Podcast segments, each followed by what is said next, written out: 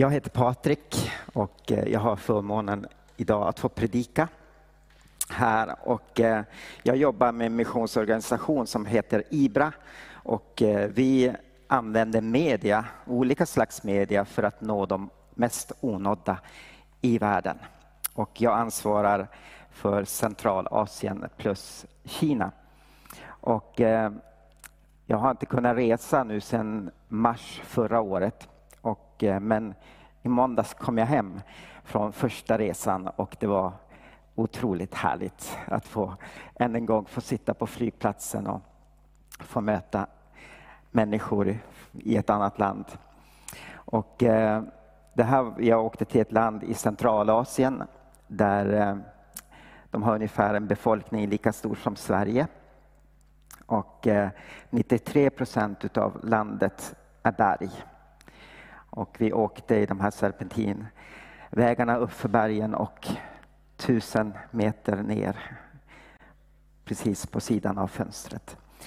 Men eh, det var en underbar resa och eh, vi fick möta många människor som bor och arbetar i det här landet. Eh, vi åkte genom bergen och eh, hade precis kommit ner i en dalgång så såg vi en skylt där det stod Jagnobi 26 och vi tänkte låt oss åka in på den här vägen. Så vi åkte 20 kilometer på en väldigt smal och kringlig väg och eh, till slut kom vi fram till en liten by där husen var byggt längs med bergsväggen. Och eh, vi gick ut ur bilen och gick mellan husen och bad. Och eh, till slut kom vi fram till ett litet hus och där var det kvinnor som höll på att bära ut fullt med packning. Och eh, vi frågade dem vad de skulle göra. Och de sa att de skulle åka iväg tre månader upp i bergen för att mjölka sina får och, eh, och göra, förbereda sig för vintern. Så vi hjälpte dem ner med packningen ner till deras bil. Och eh, medan vi står där så kommer det en äldre man och börjar prata med vår chaufför som också arbetar inom missionen. Och han eh, började prata med den här äldre mannen och det visade sig att han var byhövdingen. Och han inbjöd oss att komma till honom. Och eh, vi kom in i hans hus och in i ett rum och där var det redan dukat med te, honung, olika kex och nötter. Och sen kom han ytterligare med, med bröd och eh, lammkött. Och vi satt där och pratade med honom och eh, han hade åkt två gånger till Mecka på Hajj och var väldigt stolt över det. Men vi förstod att det här var en fridens person. Och eh, vi satt med honom kanske i en och en halv timme och bara pratade och frågade ut om deras liv och deras behov. Och, eh, han som körde bilen, han, eh, han sa till honom att jag kan komma till er i september och eh, komma med lite presenter till barnen. Och han tackade ja. Och, eh, innan vi åkte så fick vi be för den här mannen.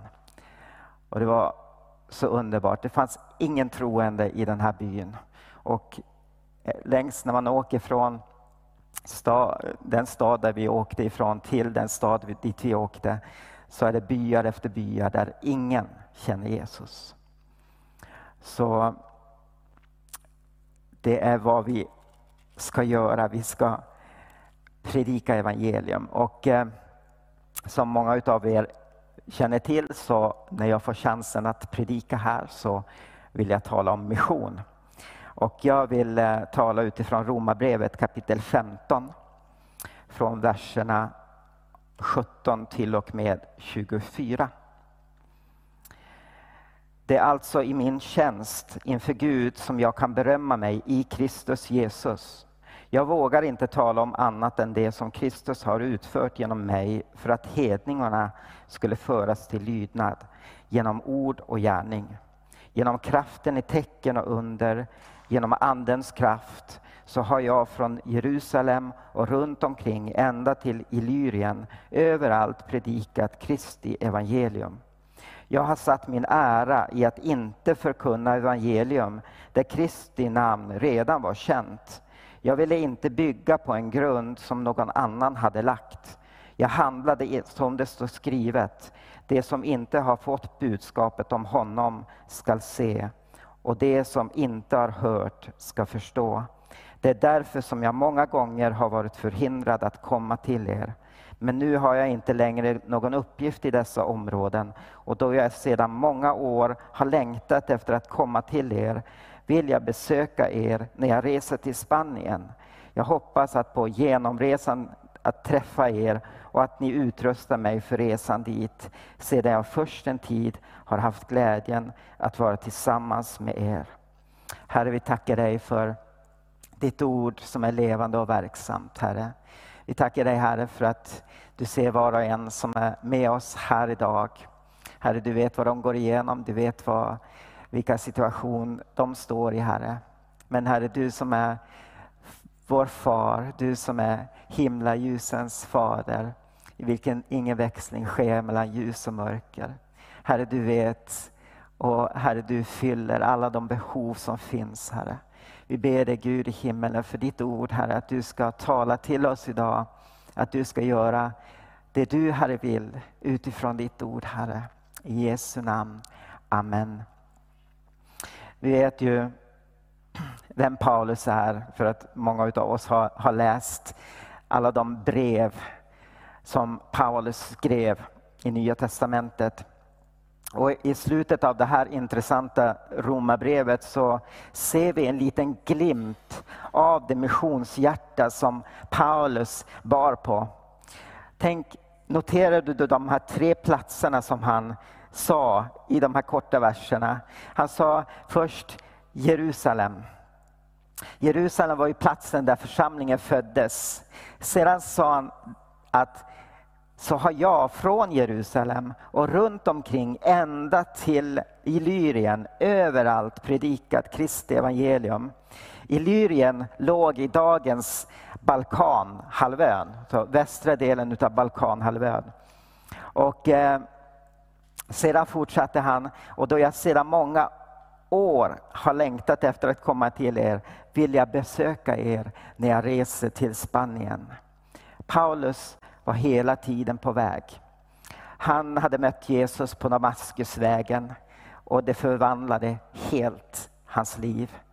Han som var en följare av församlingen, han fick möta Jesus och han sa två frågor till Jesus. Vem är du och vad vill du att jag ska göra? Och Jesus kallade honom att gå till hedningarna och predika evangelium om Jesus. Och från den dagen så började han predika. Och, eh, så han åkte från stad till stad, från by till by, från land till land. Det var hans liv.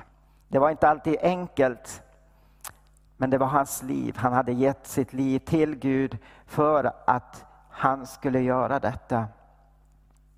Om du tittade på en karta vid den här tiden, år 56, 57 efter Kristus, så kanske du inte ens kunde hitta Spanien.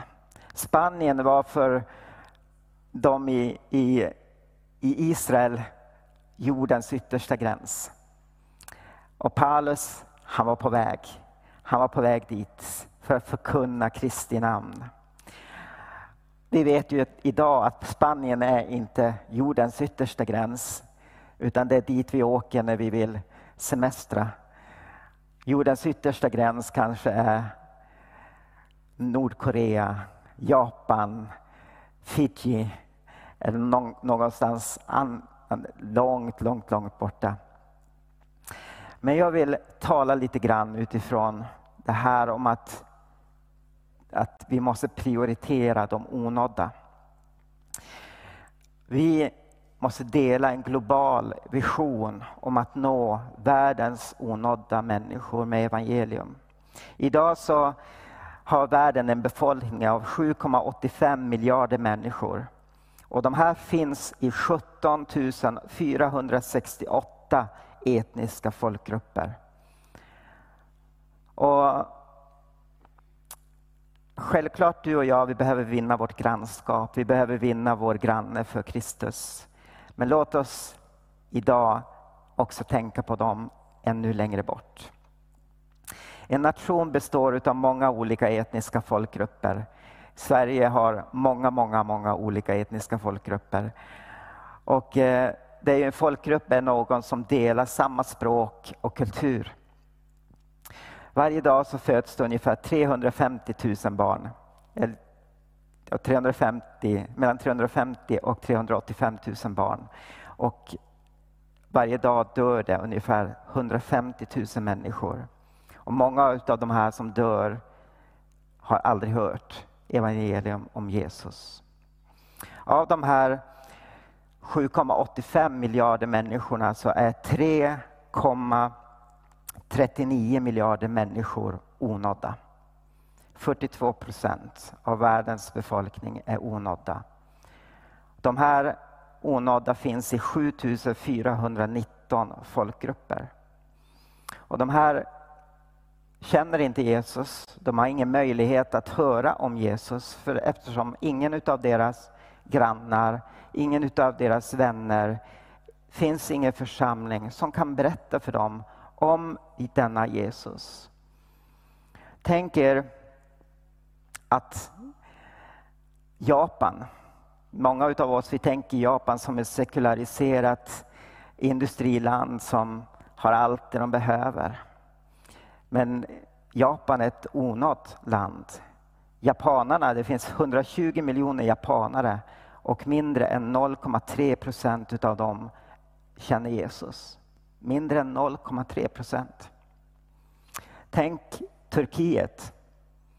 Turkiet är kanske världens mest onådda land.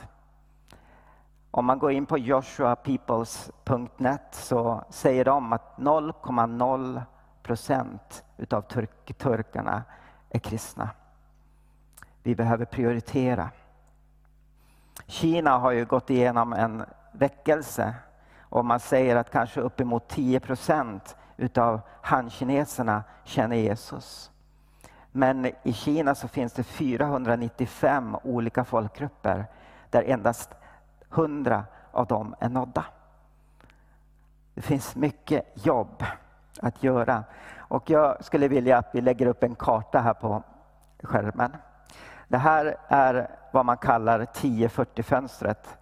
Och det är från den tionde till den 40 breddgraden på norra latitud. Och det börjar från Västafrika och går genom hela Nordafrika och me Mellanöstern, Indien, Pakistan, Afghanistan, Malaysia, Kina, Nordkorea. Det här är ett, en plats där det bor ungefär 5,22 miljarder människor i 8945 etniska folkgrupper. Grupper. Och eh, 6 187 av dem är onådda. Så huvuddelen av de onådda bor i det här fönstret. Vi måste börja prioritera det som Gud prioriterar. Jesus gav oss en befallning i Matteus, kapit Matteus evangelium kapitel 28, vers 19 till och med 20. Och eh, vi kan lägga upp. Gå därför ut och gör alla folk till lärjungar. Döp dem i Faderns och Sonens och den helige Andes namn. Och lär dem att hålla allt vad jag har befallt er. Och se, jag är med er alla dagar in till tidens slut. Vi kan nog den här utan till många utav oss. Det här Hudson Taylor som var Kinas apostel, han sa så här att missionsbefallningen är inte en, möjlig, en, en valmöjlighet utan det är en befallning som vi måste lyda. Och eh, när vi läser missionsbefallningen så finns det många olika saker där som vi ser är viktiga. Gå, gör alla folk till lärjungar. Döp dem och eh, lär dem att göra allt vad jag har befallt er. Allt det här är viktigt. Men jag vill att vi noterar det här lilla ordet dem. Lär dem, döp dem. Vem är de? Det är individer.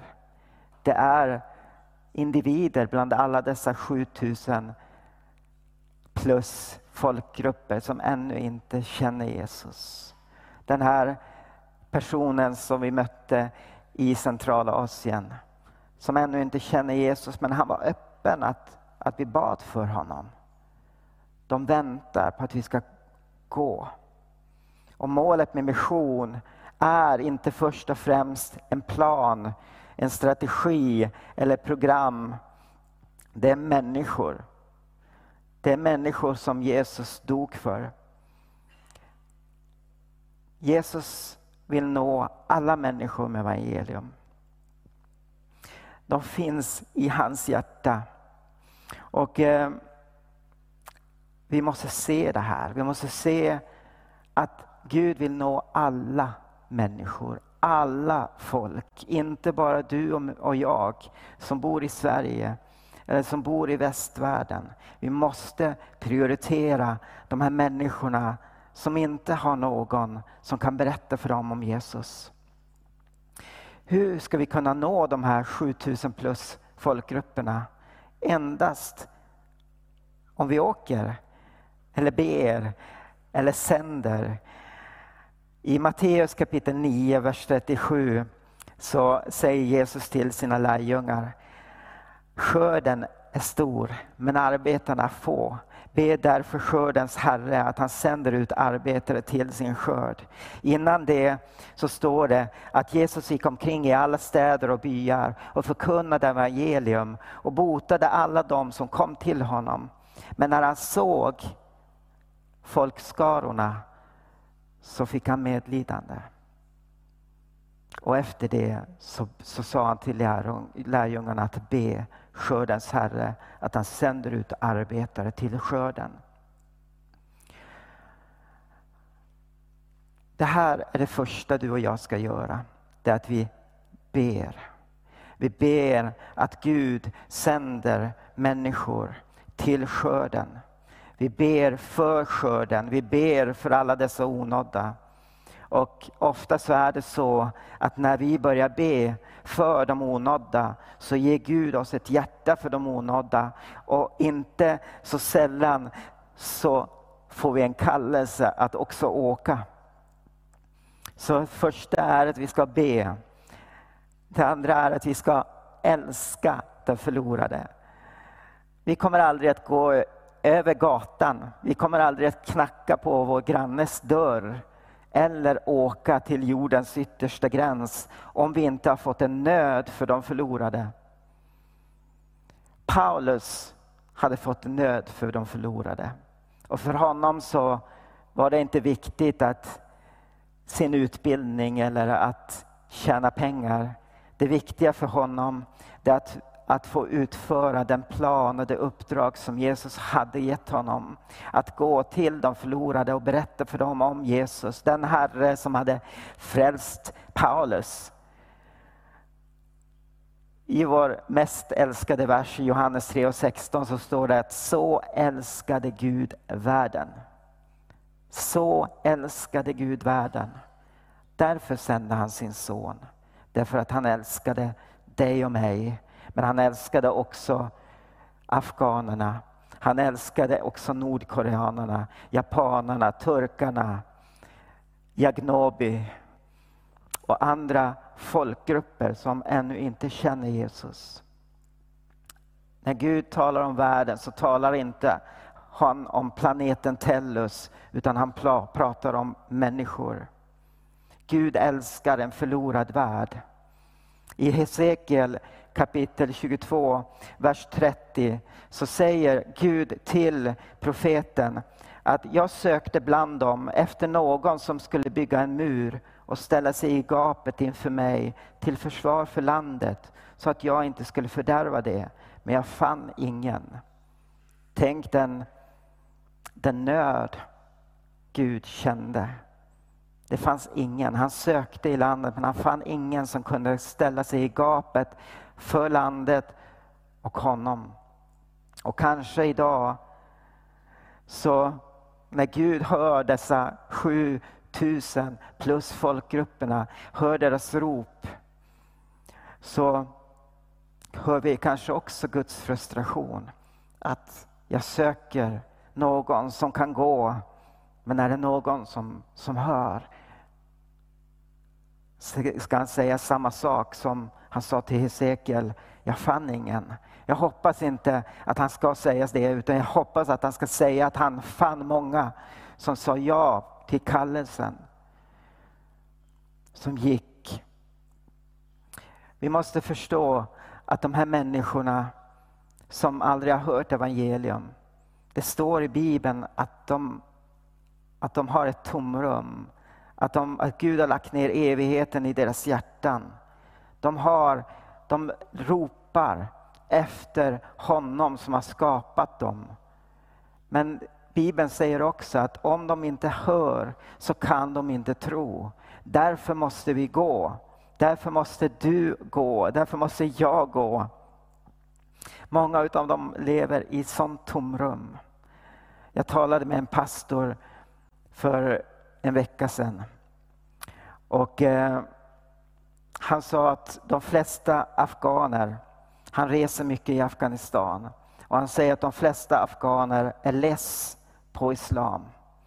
De ser att islam har inte gett dem någonting, utan det har bara fört med sig fattigdom, krig och misär.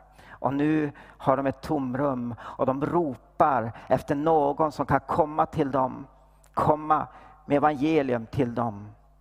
Och den här pastorn som reser, han har bott i Afghanistan med sin familj men blev utdriven därifrån. Men han drömmer om att få se människor som kommer, afghaner som kommer dit och predikar.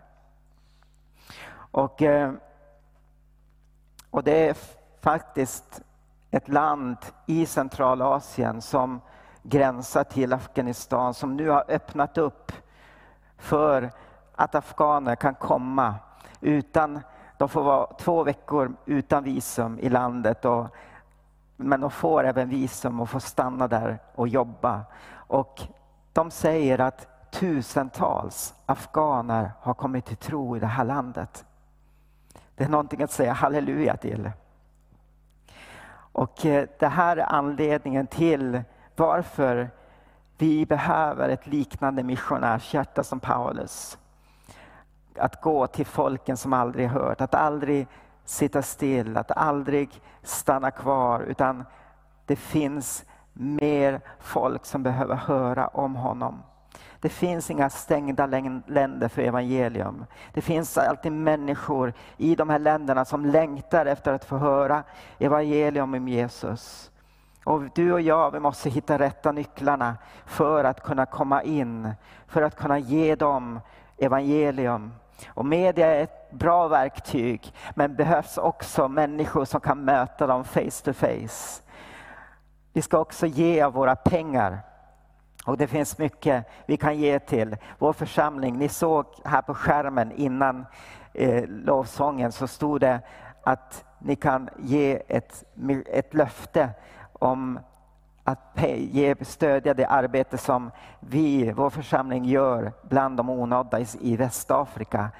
Det är ett bra, ett bra plats att lägga era pengar till för att stödja arbete bland onådda. Det finns också bra organisationer som Wycliffe, som Folk och språk, som översätter Bibeln till de människor som ännu inte har Bibeln på sitt språk. Eller Ibra där jag jobbar. Det är en bra plats för att få ut evangelium till de onådda. Sen det sista jag vill säga det är att vi ska packa väskorna och det betyder att vi ska gå. Säg ja till Guds kallelse och bli en missionär. Det finns många möjligheter för dig att bli missionär. Det finns missionsbibelskolor. Det finns många platser där du kan, där du in, där du kan förbereda dig för att senare åka ut. För cirka 150, 150 år sedan så fanns det människor som fick en börda för Afrika. Och eh, det fanns en skotsk predikant vid, vid namn Robert Moffat och han åkte ut som missionär till Sydafrika. Och han återvände till Skottland för att försöka få med sig fler missionärer. Men eh, en kall och regnig kväll så gick han in i en liten kyrka i Skottland. Och till sin bestörtning så såg han att det fanns bara kvinnor i lokalen. Vid den här tiden så fick inte kvinnorna åka ut ensamma som missionärer utan de måste åka tillsammans med sina män. Och han hade förberett en missionspredikan men eh, han ändrade sig och eh, så började han tala om att eh, behovet av att be att skördens herre skulle sända ut arbetare. Och eh, han gjorde det här uttalandet i församlingen. Varje morgon när jag står upp och tittar mot horisonten så ser jag röken från tusen byar där Kristi namn aldrig har hörts. Robert Moffat, han visste inte att där uppe bland orgeln så fanns det en man, en ung man som hörde hans predikan. Och eh, hans jobb var att pumpa bälgen till orgeln. Idag behöver vi inte pumpa en bälg till orgeln för att det ska funka, utan det funkar på något annat sätt som inte jag känner till. Men han hörde allt det som Robert sa. Och eh, de här, den här strofen, att Sröken från tusen byar där Kristi namn aldrig har hörts följde honom allt eftersom. Han kunde inte sova. Utan den här unge mannen han bestämde sig för att han skulle bli missionär. Och hans namn var David Livingstone. Och vi känner honom som upptäcktsresande, som läkare. Men han var missionär. Och eh, han var den första vite mannen som passerade Afrikas kontinent från öst till väst. Han upptäckte Victoriafallen och mycket annat. Men när David Livingstone först började sin tjänst så motsatte sig stammarna honom att han kom och predikade. Och eh, det berättas om att det var en fientlig stam som kom och var på väg och skulle döda David och hans grupp. Men ingenting hände. Och till slut så blev den här stammen, de blev kristna. Och några år senare så frågade David Livingstone, den här stamchefen, kommer du ihåg natten då ni stod utanför vårt läger och var på väg att, att döda oss? Ja, sa han. Och David säger, vi hade hört rykten om att du skulle attackera oss och döda oss. Och han sa, ja, vi var redo, redo att attackera, men när vi kom till den plats där ni fanns så stod det 47 män, krigare, där och beskyddade. Och eh, David Livingstone visste inte alls vad, för de hade ingen krigare, de hade ingen som beskyddade dem. Men så besökte han England en gång. Han var hemma på på viloperiod. Och han åkte till en kyrka som understödde honom och han berättade om den här händelsen. Och då senare kom en man fram till honom och frågade, var det natten den 14 januari 1858? Och David sa, ja det var det. Då var jag och 46 andra människor samlade för att be för dig. Så de var alltså 47 personer som bad för David. Och ni ser, Gud är med när vi åker. Sen så vet vi att New York Times som skickade ut en annan, en, en, eh, som skulle söka efter David Livingstone. Och, eh, och det var ju Henry Stanley. Och han hittade honom och då myntade ju han det här uttrycket som vi har hört. Mr Livingstone, I presume. Mr Livingstone, antar jag. Och eh, Henry Stanley var inte kristen, han var journalist. Och, men han sa efter ett tag, efter att han hade spenderat tid med David Livingstone, så sa han så här, att han omvände mig till Kristus och han försökte inte ens göra det. Vilket kännetecken för en kristen person. Att han var, han utstrålade Kristus. Och eh, Stanley försökte få Livingstone att återvända till civilisationen för att få en medicinsk behandling för att han var sjuk. Men David vägrade. Och han sa så här, att jag är missionär till hjärta och själ. Gud hade bara en son och han var missionär och läkare. En dålig, dålig imitation av honom är jag, eller i, i alla fall vill vara. Och i den här tjänsten hoppas jag kunna leva, i den vill jag dö.